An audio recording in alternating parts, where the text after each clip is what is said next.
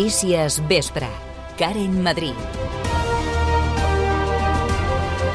Risc per calor extrema generalitzada tant a Sabadell com al conjunt de Catalunya. Les màximes s'han enfilat aquests dies fins als 38 graus i les mínimes no han baixat de 25. Júlia Ramon, bona tarda. Molt bona tarda, Karen. L'onada de calor, que es preveu que s'allargarà fins divendres, està acabant amb la paciència dels sabadellencs, sobretot els que no tenen aire condicionat. Així ho han expressat els consultats per aquesta emissora. Pues molt malament, molt malament. Eh, no es pot treballar, estem treballant i no es pot treballar. Hem d'anar aquí a refrescar-nos. De... Sí, sí, és un, un horror. Dormim i tot amb l'aire condicionat. Sí. Realment dur, dur de portar. Eh, bueno, força malament. I ara que... Eh, menys mal que acabo de treballar i estic de vacances, però força malament, la veritat. Es passa malament. Jo, mira, amb el ventat tota l'estona, cap amunt i cap a baix. Horrible, per dormir, horrible. Fatal, perquè jo vinc de Cantàbria que fa més fresqueta. Sí, aquí és horrible. Ui, molt mal. En paral·lel a l'ascens de les temperatures, també està pujant el risc d'incendi. A la comarca Jasal i podria ser molt a l'extrem al llarg d'aquesta setmana. La Cambra de la Propietat Urbana de Sabadell i la comarca considera desproporcionat considerar un gran tenidor el propietari de més de 5 immobles. Així ho han manifestat després de conèixer la última modificació de la llei d'habitatge. Per contra, des de la plataforma d'afectats per la hipoteca consideren adequada la mesura, ja que tenir més de 5 propietats, diuen, ja suposa especulació immobiliària. I en esports, el Sabadell vol aprofitar els últims dies del mercat de fitxatges per reforçar la defensa. Miqui Lledó ha confirmat que destinaran a fitxa sub-23 a aquest rol i no al mig del camp com estava previst. Tot plegat a pocs dies de començar la temporada aquest diumenge a l'Estàdium Galdirun. Aquestes i altres notícies es repassarem en els pròxims minuts amb el Toni González a les vies de so. Notícies Vespre. Tota la informació a Ràdio Sabadell.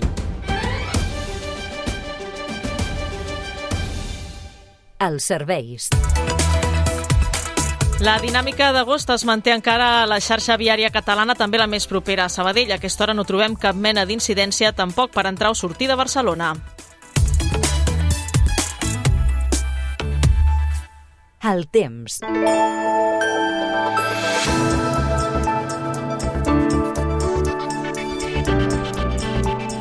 Ara mateix tenim 33 graus a Sabadell, 4 graus més que divendres a aquesta hora. Què hem d'esperar de cara a les pròximes hores? Li preguntem al Sergi Càrceles. Bona tarda. Bon vespre, hem tingut aquest eh, dilluns que s'ha complicat una miqueta més per la tarda amb ruixats i tempestes que han afectat el Pirineu i Prepirineu català. Demà seguirem amb aquesta dinàmica, amb matins assolellats a tota Catalunya i en canvi a la tarda es tornaran a formar alguns núvols baixos que taparan el cel i portaran ruixats i tempestes que afectaran altre cop el Pirineu i Prepirineu. Temperatures que seran un pèl més fresques, encara que s'esperen encara algunes màximes a l'interior que poden arribar als 38-39 graus a la costa, fregant als 32-33 amb aquesta sensació de xafogó. La mar seguirà amb molta calma, de fet s'espera mar plana, és a dir, el mar serà quasi com una piscina, sense onades, i el vent també molt suau.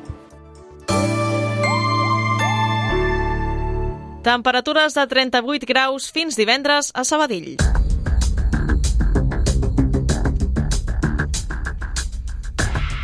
Aquesta és la previsió amb la qual treballa Protecció Civil i per la qual ha més una alerta per calor intensa generalitzada a Catalunya. L'enèsima onada de calor d'aquest estiu ha arribat aquest cap de setmana amb mínimes per sobre dels 25 graus a les nits, una situació que els sabadellencs consultats per aquesta emissora no estan portant bé. Tot i que molts ciutadans tenen aire condicionat a la feina i a casa, no totes les butxaques es poden permetre tenir-lo actiu de forma constant. Per això, tots busquen alternatives més o menys creatives per fer més suportable la calor sostinguda. Així ho han manifestat a aquesta emissora.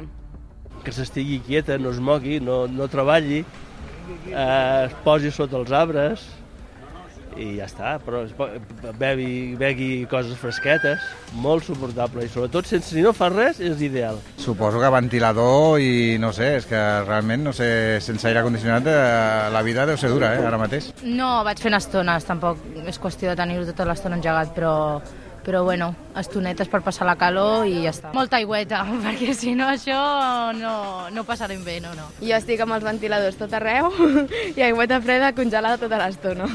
Ara dormo al balcó. Sí, sí, que em doni l'aire, que si no, no puc dormir. Jo amb boles. O sigui, per aguantar-ho amb boles i dutxes constantment. Pues beure molta aigua i, i, no sé, i moltes dutxes o piscina. Pues ventiladores y ahí vamos, con los ventiladores y las ventanas abiertas. En tot cas, les autoritats fan una crida a la ciutadania per evitar possibles cops de calor, evitant sortir al carrer en les hores centrals del dia, buscant refugis climàtics i mantenint la hidratació. Tot i això, encara es produeixen casos de cops de calor derivats de les altes temperatures. Aquest mateix dissabte al migdia, la policia municipal ha hagut d'atendre un home de 87 anys per una lipotímia greu al carrer de Sol i Padrís.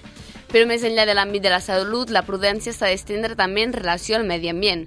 Ara mateix el risc d'incendi és alt a la comarca i no es descarta que pugi encara més en les pròximes hores.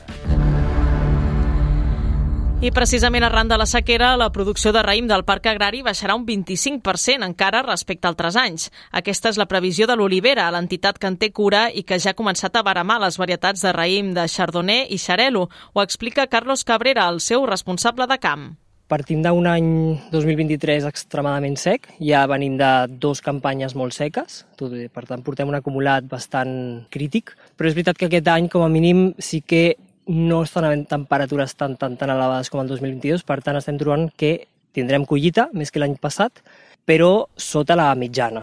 En canvi, la sequera comporta una sanitat excel·lent, sense rastre de fongs als pàmpols. Exacte, les fulles de la vinya són la prova que problemes com el mildu o l'oidi enguany passaran de llarg un any tan sec ha comportat una sanitat eh, brutal del raïm, eh, molts pocs fongs, molt fàcil, diguem, ha sigut fàcil controlar.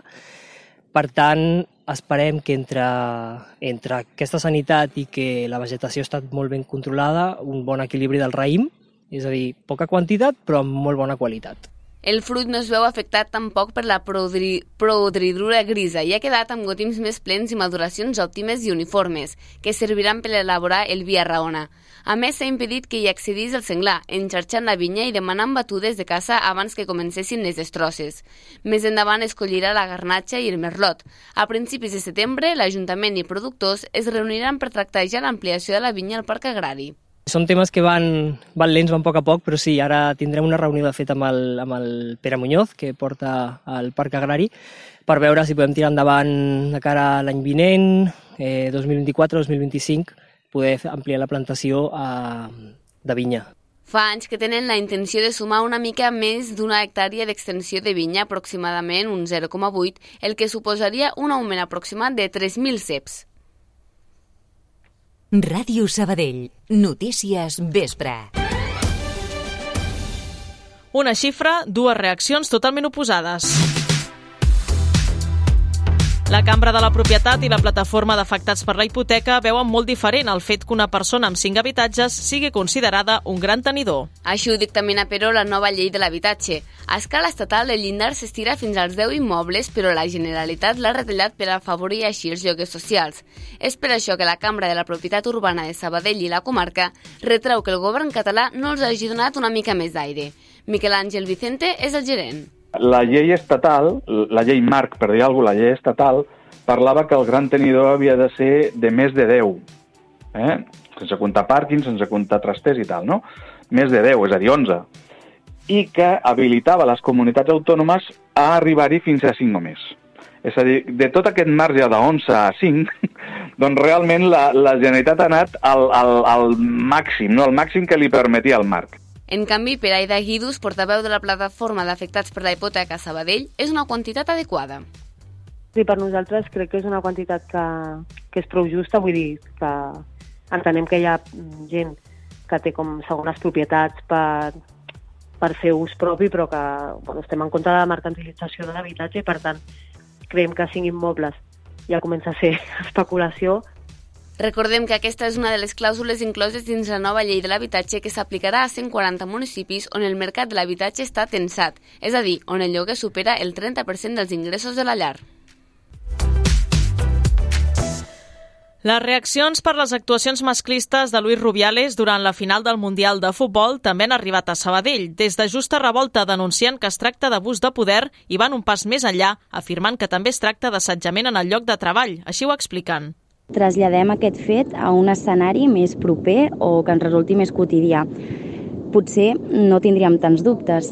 És com si el teu cap d'empresa, eh, el director de l'escola on treballes o de la ràdio on treballes, t'agafa pel cap i et fa un petó a la boca no consentit. S'hauria d'activar algun mecanisme per gestionar aquest fet. perquè les dones també tenim dret a viure, a treballar i a gaudir de les festes i de les celebracions lliurement. Aquesta, però, no ha estat l'única reacció a la nostra ciutat. No, l'alcaldessa de Sabadell, Marta Ferrés, ha piulat a Twitter un tuit de felicitacions a les jugadores de la selecció. Seguidament, però, també ha denunciat el comportament masclista de Rubiales i ha acusat a la federació de blanquejar les actuacions sexistes del president durant la jornada d'aquest diumenge. Pel que fa al mateix Rubiales, la federació ha penjat un vídeo a les xarxes socials aquesta tarda on el president ha afirmat textualment que segurament es va equivocar i assegura que el petó es va produir en un moment de màxima efusivitat sense mala intenció ni mala fe. Avui també és notícia... Una investigació iniciada al Albacete ha permès detenir dos estafadors a Sabadell. La Policia Nacional va iniciar la investigació arran de la denúncia d'una de les víctimes que va notificar que algú havia retirat 15.000 euros en efectiu des del seu compte bancari. En realitat, però, l'autor de l'estafa havia suplantat la seva identitat i havia fet una transferència per poder retirar els diners a través d'un altre caixer automàtic sense aixecar sospites i que el veritable titular del compte anul·lés l'operació. Els dos arrestats pertanyien a un grup criminal que operava arreu de l'Estat. Detingut quan intentava robar en un domicili de Sabadell. La policia municipal va detenir un home divendres passat al carrer Garcilaso per un presumpte delicte de robatori amb força en un domicili. Els propietaris de l'immoble el van enxampar, enxampar infraganti i el lladre, de 35 anys, va aconseguir fugir. Una estona després, els agents el van acabar localitzant i detenint. Els serveis d'emergències han hagut d'atendre aquest matí una persona que havia quedat atrapada dins d'un immoble de plaça Catalunya. Els bombers han rebut l'avís al voltant de les 10 del matí i hi ha acudit amb dues, amb dues dotacions que s'han encarregat d'obrir el domicili. La línia S2 de ferrocarrils ha recuperat avui el seu servei habitual. La circulació de trens de la línia Barcelona-Vallès s'ha vist alterada en els últims 9 dies a conseqüència d'unes obres entre les estacions de Sarrià i Gràcia. Durant aquest període, la companyia ha habilitat un servei de bus per unir les dues parades barcelonines. I la zona blava torna a ser de pagament. Les 1.500 places d'aparcaments que hi ha repartides arreu de la ciutat s'han reactivat avui. Han estat gratuït, gratuïtes entre el 7 i el 19 d'agost i a Sabadell hi ha tres àmbits de gestió de zona blava. L'Eix Macià, el Vapor Turull, la plaça Jaume Girbau i el Mercat de la Creu Alta i la resta de la ciutat. Eric Ayala és un jove de Sant Quirze que s'ha fet viral a les xarxes socials fent pizzas napolitanes.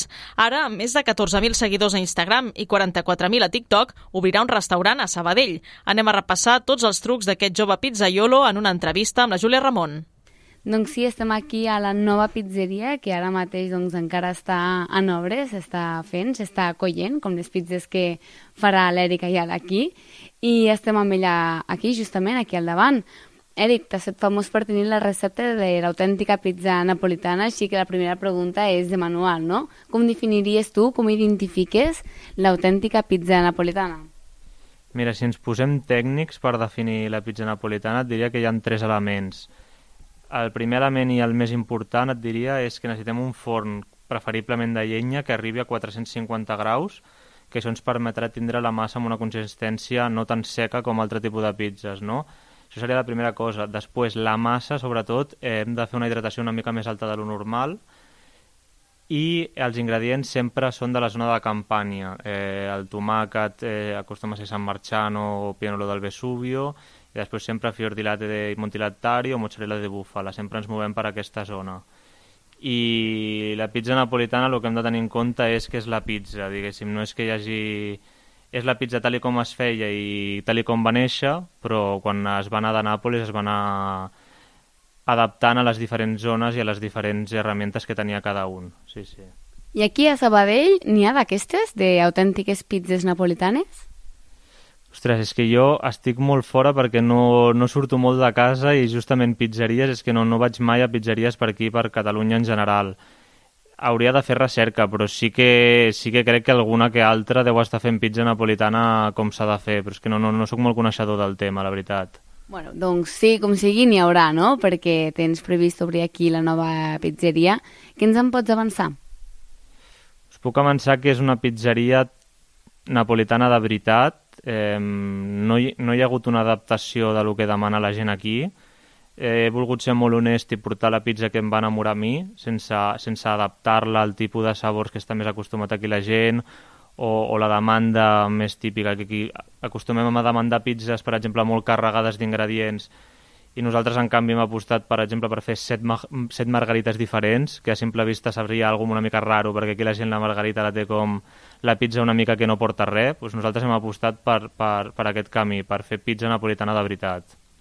I com es dirà la pizzeria? Té nom ja? La pizzeria no té nom i es revelarà la inauguració el nom. O sigui, bueno, sí que té nom, però només el sabem jo, mi germana, la Clara, que és la meva nòvia, i me mare, no, no el sap ningú més i es desvelarà la inauguració amb un documental que explicarà el perquè de l'obertura d'aquesta pizzeria i allà serà on podreu conèixer la història més, més des de dintre. I això quan creus que serà? Mira, jo estic... Ara mateix estem al local aquí, està, està veient la Júlia tota la destrucció que hi ha aquí. Estem, estem intentant anar el més ràpid possible, de veritat, però no m'estic comprometent a donar una data en concret perquè no vull que, no vull que, em, que se'm tirin a sobre però sí que és veritat que pel 2023, si no passés una tragèdia molt gran, que sempre pot passar, s'ha d'obrir segur, sí, sí. Tot i això, aquesta no és la primera pizzeria que gestiones, perquè, segons tinc entès, em vas obrir una casa teva, no? Mirant vídeos, vas decidir apostar per aquest camí. Quan se't va passar pel cap dir vaig a fer una pizzeria a casa, amb un forn com Déu mane i tot això? Mira, això va sortir una mica de la nada, perquè jo em vaig començar a apassionar pel tema de les pizzas napolitanes i, com t'he dit abans, eh, el més complic... o sigui, lo, un factor clau és tenir un forn de llenya que arribi a 450 graus, perquè si no és impossible. I llavors mm, jo m'anava a ficar un fornet molt bàsic, que és bastant tonto, allà fora al jardí, però ma mare em va dir, hòstia, si fotem un forn de llenya ben, ben parit, com Déu mana? Llavors aquí va entrar més germana que va fer la recerca i va trobar uns, uns napolitanos que fan uns forns així una mica més petits de lo normal i ens els van portar directament de Nàpoles a casa. I al principi va començar sent una cosa per amics, que un cop per, per setmana ens reuníem allà per veure a veure quina pizza feia, i cada setmana una pizza diferent, però després ho vam voler portar més lluny i vam posar diverses taules i ja van començar a venir desconeguts i tot i, i jo ho recordo com, un, com una època molt maca perquè era el jardí de casa meva i, i era realment acollidor el tema, sí, sí, sí. Això, però, era a Sant Quirze, que tu ets de Sant Quirze. Per què has decidit obrir-la aquí a Sabadell? Mira, si et dic la veritat, mmm, o sigui, a Sabadell no la volia obrir en un inici, la volia obrir a Sant Quirze, ¿vale? Però jo tenia molt clar que el següent projecte anava a Sabadell. He anat desordenat, no? O sigui, jo volia començar a Sant Quirze fent la primera i volia Sabadell fer la segona. Però, eh, bueno, es va donar així perquè Sant Quirze va ser impossible i diguéssim que a Sabadell vam tenir la sort de trobar aquest local i ho vam muntar a Sabadell. Però, bueno, a Sabadell ho volíem fer, sempre tenia clar que acabaria muntant una pizzeria aquí perquè, diguéssim, la meva família és de tota la vida de Sabadell i, diguéssim, jo Sabadell m'ho sento molt meu, també és on vivia la meva àvia i jo venia sempre per aquí la meva germana viu aquí, o sigui, Sabadell m'ho sento igual de meu que Sant Quirze. Però diguéssim que s'ha adelantat el tema, anava a ser una mica més tard obrir una pizzeria a Sabadell, sí, sí, sí. La teva, però, no serà l'única que obrirà ara en breu aquí al, al centre. Creus que aquí a Catalunya, en general, això d'obrir pizzeries o ser pizzer és un ofici que no està tan valorat com a Itàlia, tu que has estudiat a Nàpols? Sí, perquè clar, és, és normal que aquí la figura de, del pizzaiolo no la tenim amb especial estima perquè tu quan eres petit i vas a una pizzeria no veus el pizzero, no? Aquí, aquí no veus el pizzero i llavors ningú s'apassiona d'aquest mundillo ni, ni, ni coneixem el pizzero de la pizzeria. En canvi, a Nàpoles, perquè tot Itàlia és diferent, però a Nàpoles en concret, quan tu ets petit i entres a una pizzeria, veus el pizzero, parles amb el pizzero, és molt protagonista, llavors pot ser que, que un nen vulgui ser de gran pizzaiolo, que aquí no passa. Però jo crec que tot això canviarà perquè la pizza napoletana està pagant molt fort, la gent s'està li està entrant molt aquesta filosofia. Jo crec que les pizzeries a partir d'ara valoraran el pizzero i, i posaran el pizzero al centre perquè pugui explicar el seu discurs. Per tant, en un futur hi haurà nens que li diran als seus pares jo vull ser pizzaiolo. Jo crec que això passarà aquí a Espanya i bueno, en general a Europa. Fora de, fora de, fora d'Itàlia també passarà, jo crec.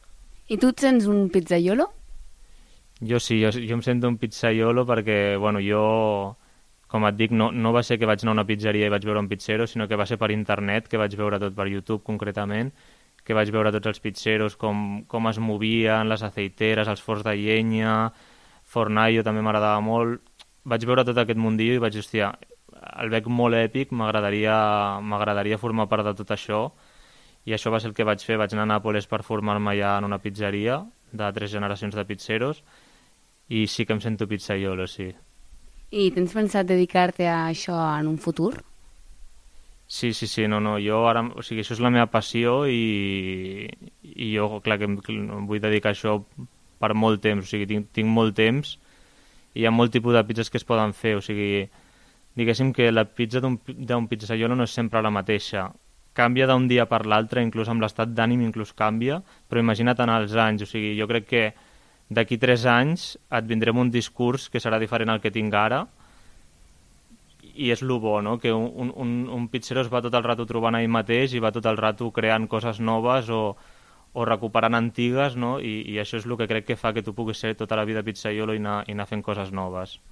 Bé, doncs mentrestant romandrem atents a veure quan ens obres d'aquesta pizzeria i la vindrem a tastar. Perfecte, bueno, jo us espero aquí encantat de que vingueu i a la inauguració també sobretot heu d'estar allà.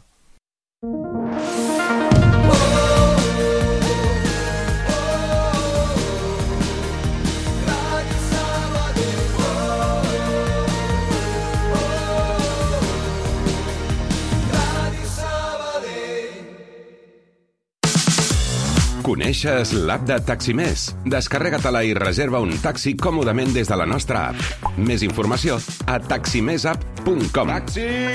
Ràdio Taxi Sabadell, el teu taxi de referència a Sabadell.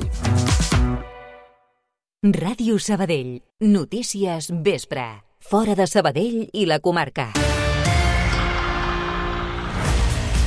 Yolanda Díaz, líder de Sumar, ha tancat aquesta tarda la primera jornada de contactes per la investidura amb el rei Felip VI. Abans l'han presidit Aitor Esteban del PNB, Cristina Valido de Coalició Canària i Javier Esparza d'Unió del Poble Navarrès.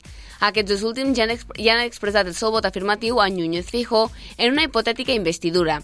El cert és, però, que ara com ara el líder del PP no podria treure la votació endavant, a diferència del candidat socialista Pedro Sánchez, qui ha sortit reforçat després d'obtenir la presidència del Congrés, tot i no haver guanyat les eleccions el 23 de juliol. Demà serà el torn del representant de Vox. La formació d'extrema dreta ha condicionat el seu suport a Feijó a que el Partit Popular aclareixi si està fent o no un cordó sanitari del partit liderat per Santiago Abascal. A la Catalunya Nord, cinc presidents de la Generalitat s'han trobat durant l'homenatge pel 50è aniversari de la mort del compositor Pau Casals. I tot plegat amb el rerefons de la investidura. El president català, Pere Aragonès, ha reclamat amnistia i autodeterminació per resoldre el conflicte, condicions també per donar suport a la investidura de Sánchez. Carles Puigdemont, qui ha defensat el deure de buscar solucions per al país, també ha assistit a l'acte públic malgrat que el mes passat va perdre la immunitat com a eurodiputat de Junts. I l'incendi forestal de Tenerife evoluciona favorablement. Tot i això, el foc ja ha arrasat més de 13.000 hectàrees i la qualitat de l'aire és molt desfavorable en una vintena de municipis de l'illa.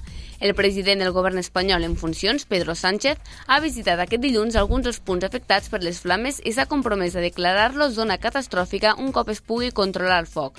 Prop de 100 efectius continuen treballant sobre el terreny per controlar les flames que mantenen 5.000 persones fora de casa seva. Esports.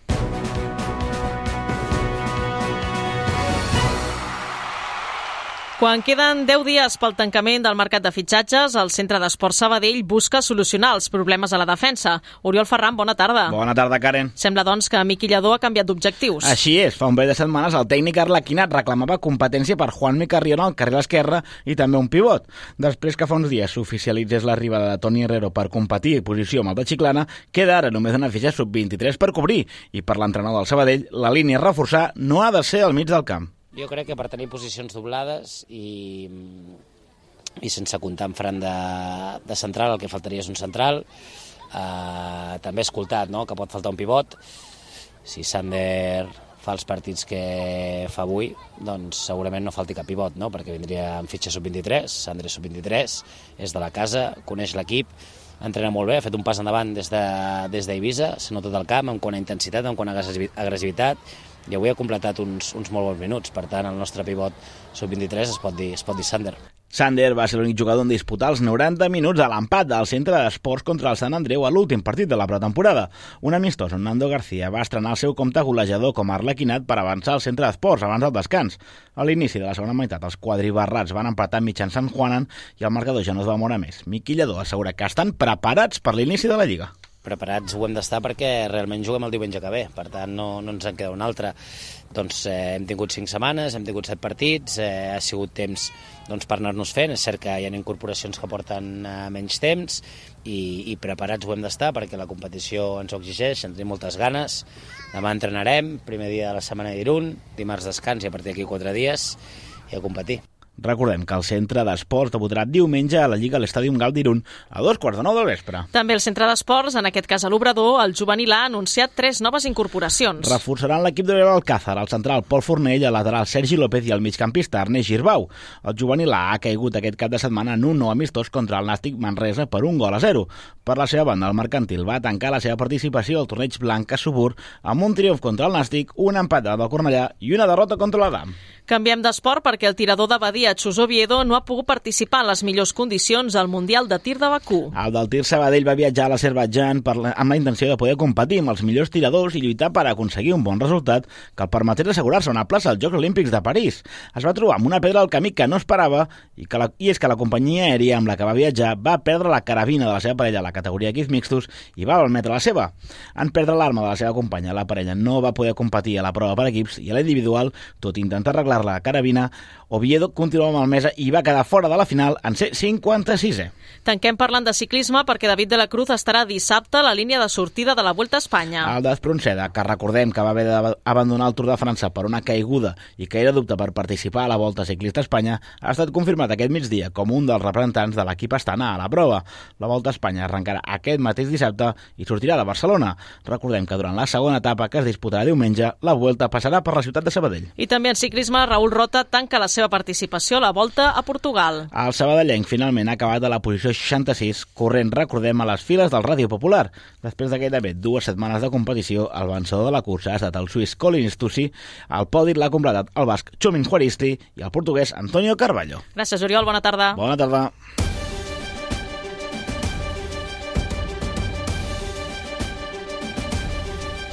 3 minuts per dos quarts de vuit tanquem el Notícies Vespre d'aquest dilluns 21 d'agost, recordant-vos que tot el que us hem explicat aquests minuts ho podeu trobar a radiosabadell.fm. Tornem amb més notícies a la 94.6 demà a partir de les 10 amb els butlletins horaris. Que acabeu de passar un bon dia. Adéu-siau. Allà on siguis, escolta'ns online. En directe.radiosabadell.fm